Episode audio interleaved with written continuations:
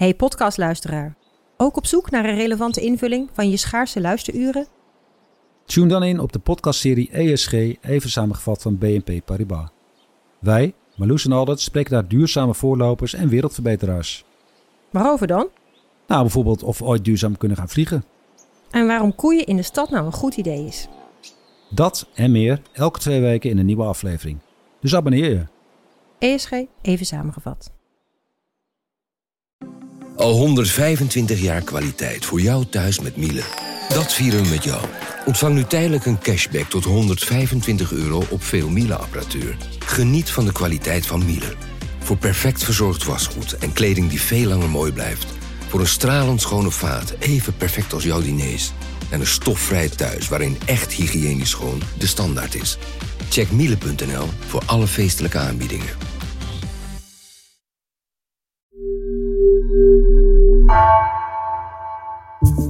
Vanaf de redactie van NRC het verhaal van vandaag. Mijn naam is Egbert Kalsen.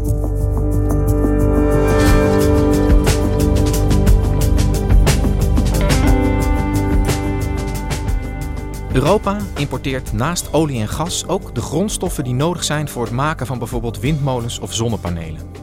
Maar corona en de oorlog in Oekraïne hebben de kwetsbaarheid en afhankelijkheid van Europa blootgelegd. Moeten we hier zelf weer grondstoffen gaan delven? Wetenschapsredacteur Marcel Aandebrug ziet dat de animo daarvoor groeit. Maar hoe pak je dat aan?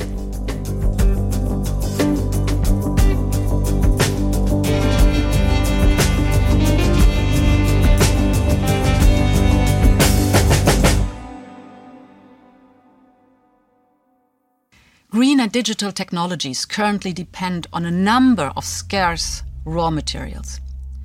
We import lithium for electric cars, platinum to produce clean hydrogen, silicon metal for solar panels. 98% of the rare earth elements we need come from a single supplier, China. And this is not sustainable.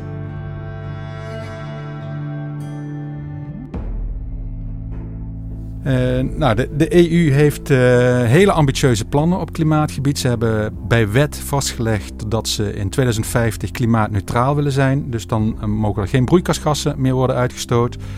Um, dat betekent een hele grote omslag. We zullen weg moeten van kolen, olie en gas. En veel en veel meer windturbines, zonnepanelen, elektrische auto's, waterstoftechnologie, noem maar op.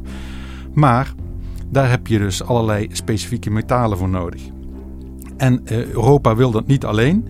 Uh, ook de Verenigde Staten, Japan, China, allerlei landen hebben dat uh, gezegd dat ze rond 2050 klimaatneutraal willen zijn. Dus iedereen jaagt op die metalen.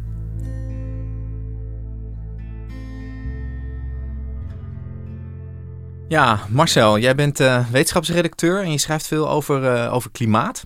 Jij zegt al, Europa uh, is niet het enige continent dat zich inzet uh, om die klimaattransitie voor elkaar te krijgen. Iedereen die wil af van uh, fossiele brandstoffen, olie en gas. Maar het echte probleem, zeg jij, zit, zit niet zozeer in het afbouwen daarvan, maar in het vinden van grondstoffen om die alternatieven daarvoor te vinden. Hè? Over, over wat voor soort grondstoffen hebben we het dan? Um, ja, je hebt natuurlijk voor windturbines uh, staal nodig en de, gewoon de traditionele ijzers. Um, maar uh, er is ook een groepje van zogeheten uh, kritische ruwe grondstoffen, critical raw materials.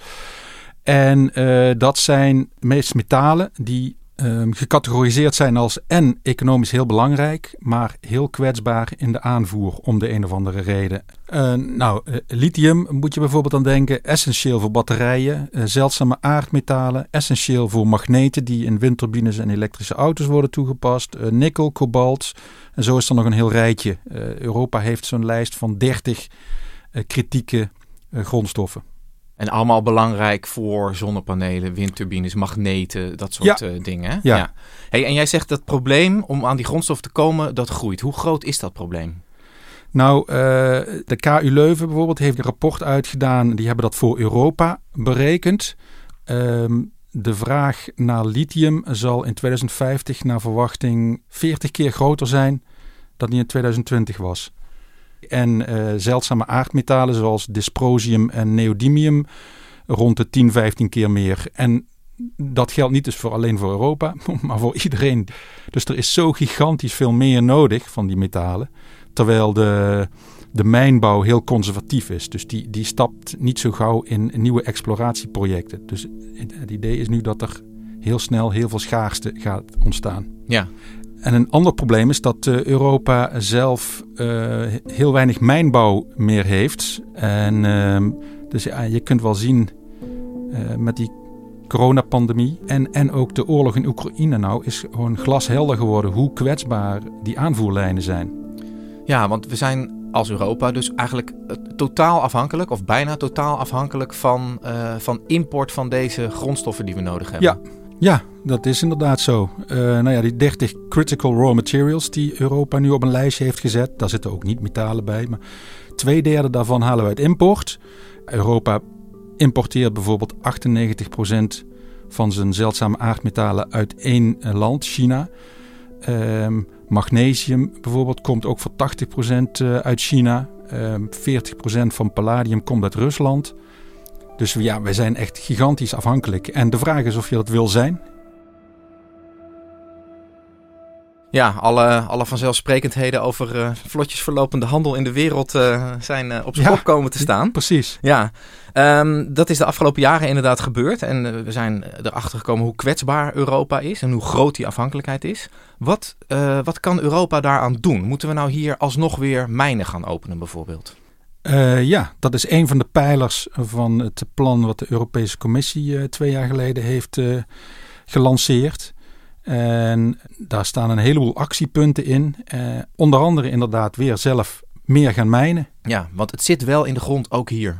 Ja, in de Europese bodem vind je ook al die zeldzame aardmetalen, bijvoorbeeld Zweden, Finland, maar ook Griekenland. Daarvan is het idee dat daar rijke voorraden zijn. Lithium, er zijn uh, Portugal, uh, Oostenrijk, Servië, lopen projecten in, in, in Finland. Er is genoeg. Ja, en jij zei het net al, Europa is er eigenlijk nog niet eens zo heel lang geleden mee gestopt. Hè? waarom zijn wij zelf gestopt met het, met het delven van deze nu zo belangrijke grondstoffen? Uh, omdat daar steeds meer weerstand tegen is. Uh, voor het idee van het mijnbouw is heel vervuilend. En omdat het uh, op andere plekken ehm, goedkoper kan.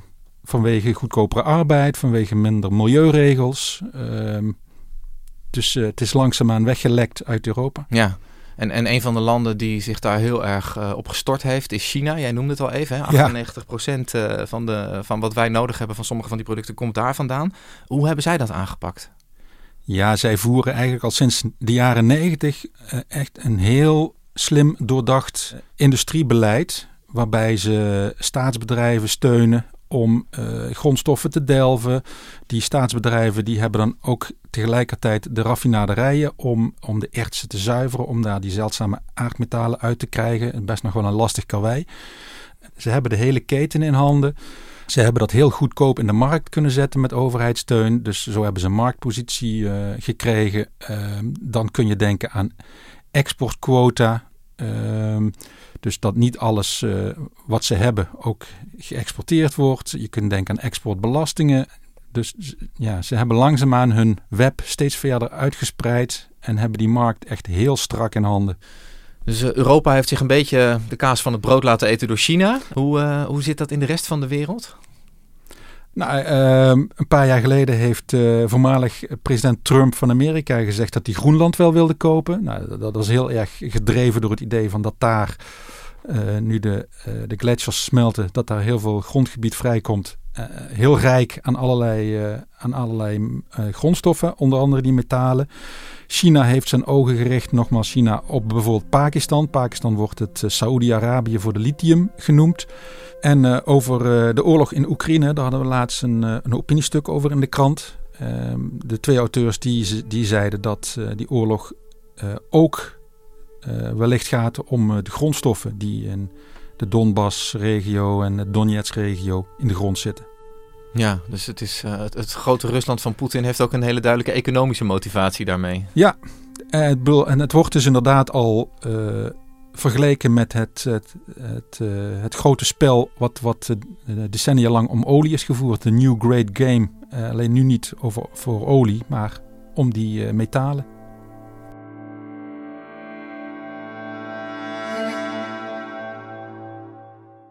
Wat zetten wij daar tegenover tot nu toe hier in Europa? Uh, heel lang het heilige gelovende vrije markt. Ja. En dat is dat de bedrijven, um, nou ja, het wel oplossen, zal ik maar zeggen. Ja. En dat we er vertrouwen in hebben dat het zo wel tot ons komt. Dat als wij er maar voor betalen, dan komt het vanzelf deze kant op. Ja. Ja.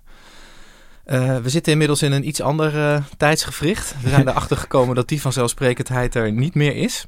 Om, om minder afhankelijk te zijn van de leverantie van andere landen bij die grondstoffen. Uh, wat, wat, wat moet Europa doen? Hoe zijn we zeg maar dit probleem aan het oplossen?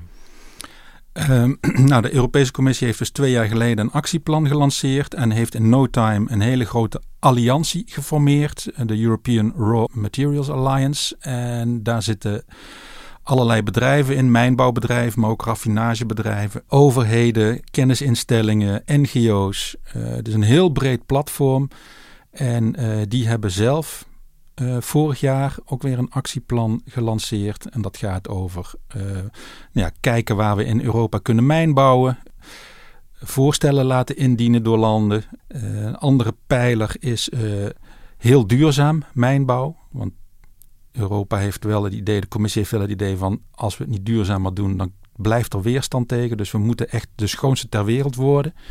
Um, en recycling is ook uh, een hele belangrijke poot. Um, dat we op termijn, zo rond 2035, 2040, als al die eerste generatie zonnepanelen, uh, windturbines, elektrische auto's einde van hun levensduur hebben bereikt, dat we die goed kunnen recyclen, zodat we de individuele grondstoffen daar weer netjes uit kunnen halen. Uh, daar wordt ook zwaar op ingezet. Ja. Hey, en als we nou eens met dat eerste beginnen, de, verzoeken aan andere landen om met voorstellen te komen om mijnen te openen. Hoe ja. gaat dat? Zijn er veel initiatieven? Um, nou, wat ik las in, in uh, dat actieplan um, is dat er inderdaad nu drie voorstellen zijn gekomen voor uh, mijnen. Um, en die waren alle drie uit Scandinavische landen. Ik bedoel, die gaan, daar, zit, daar zit zoveel in de grond. Uh, die landen die willen het ook verantwoord aanpakken. Je hebt nu in Noorwegen bijvoorbeeld echt een heel groot exploratieproject lopen. Heel veelbelovend voor vanadium, titanium en fosfaat. En dat is, wordt een van de grootste mijnen voor die grondstoffen ter wereld, als dat allemaal uh, goed gaat. Nou ja, en zo zijn er meer. Voor lithium zou dat kunnen, uh, noem maar op. Ja, dus het is vooral, uh, vooral Scandinavië wat zeg maar nu zich aanbiedt als, als ontginningsgebied. Voor de, ja, zeggen. ja. ja.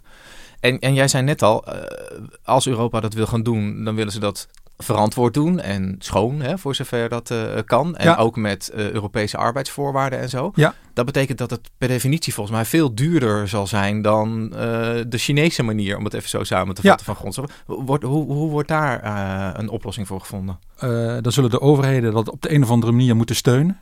Dus uh, daar moet subsidie bij voor, onderzoek. Wat ze bijvoorbeeld voorstellen is dat uh, de Europese automakers gegarandeerd een bepaalde hoeveelheid van de uh, metalen in Europa gedolven zullen moeten afnemen.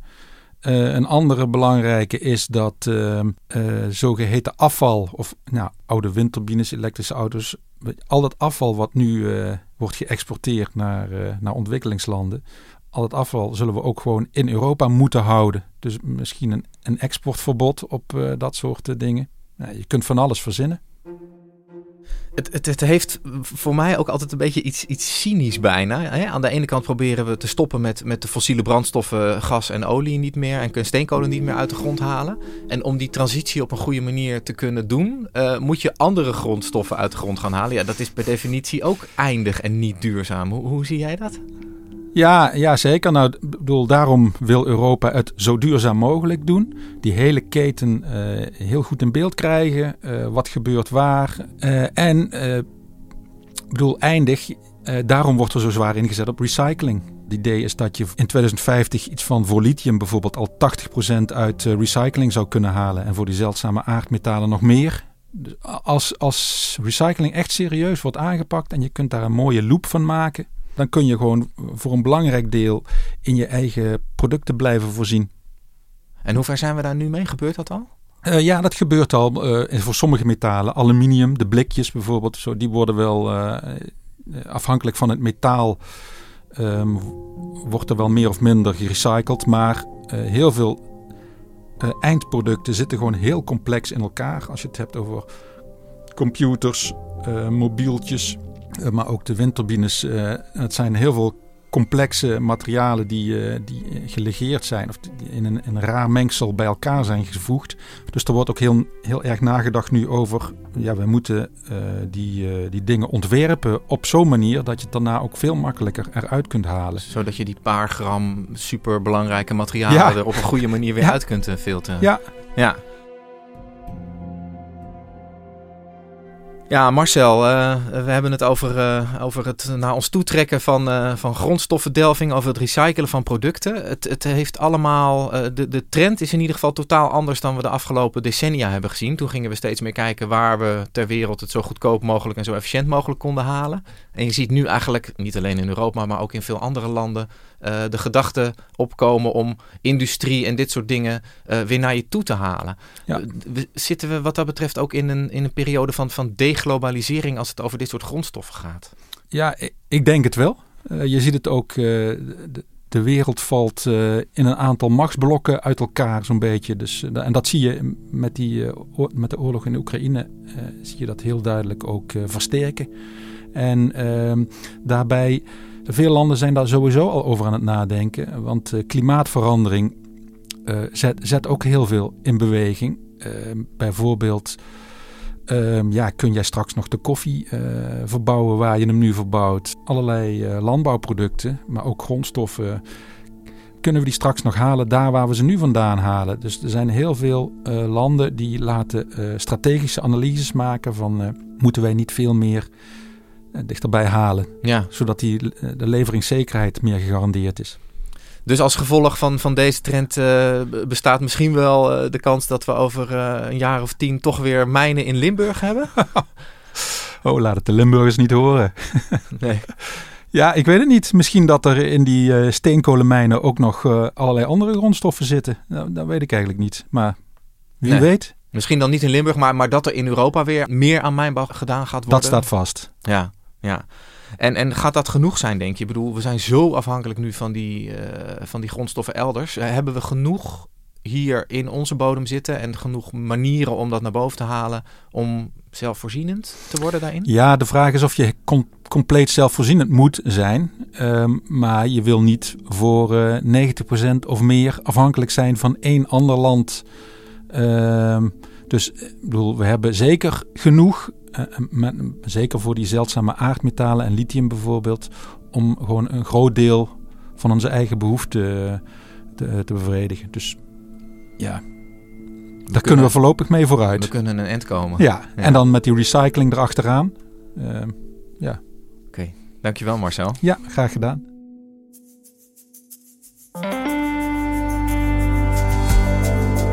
Je luisterde naar vandaag, een podcast van NRC. Eén verhaal, elke dag. Deze aflevering werd gemaakt door Wijken van Koolwijk en Stef Visjager. Dit was vandaag, morgen weer.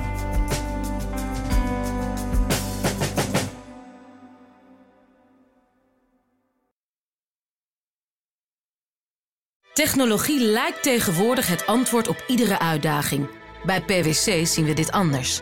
Als we de potentie van technologie willen benutten, kunnen we niet zonder een menselijk perspectief. Human-led, tech-powered noemen we dat. Ga naar pwc.nl.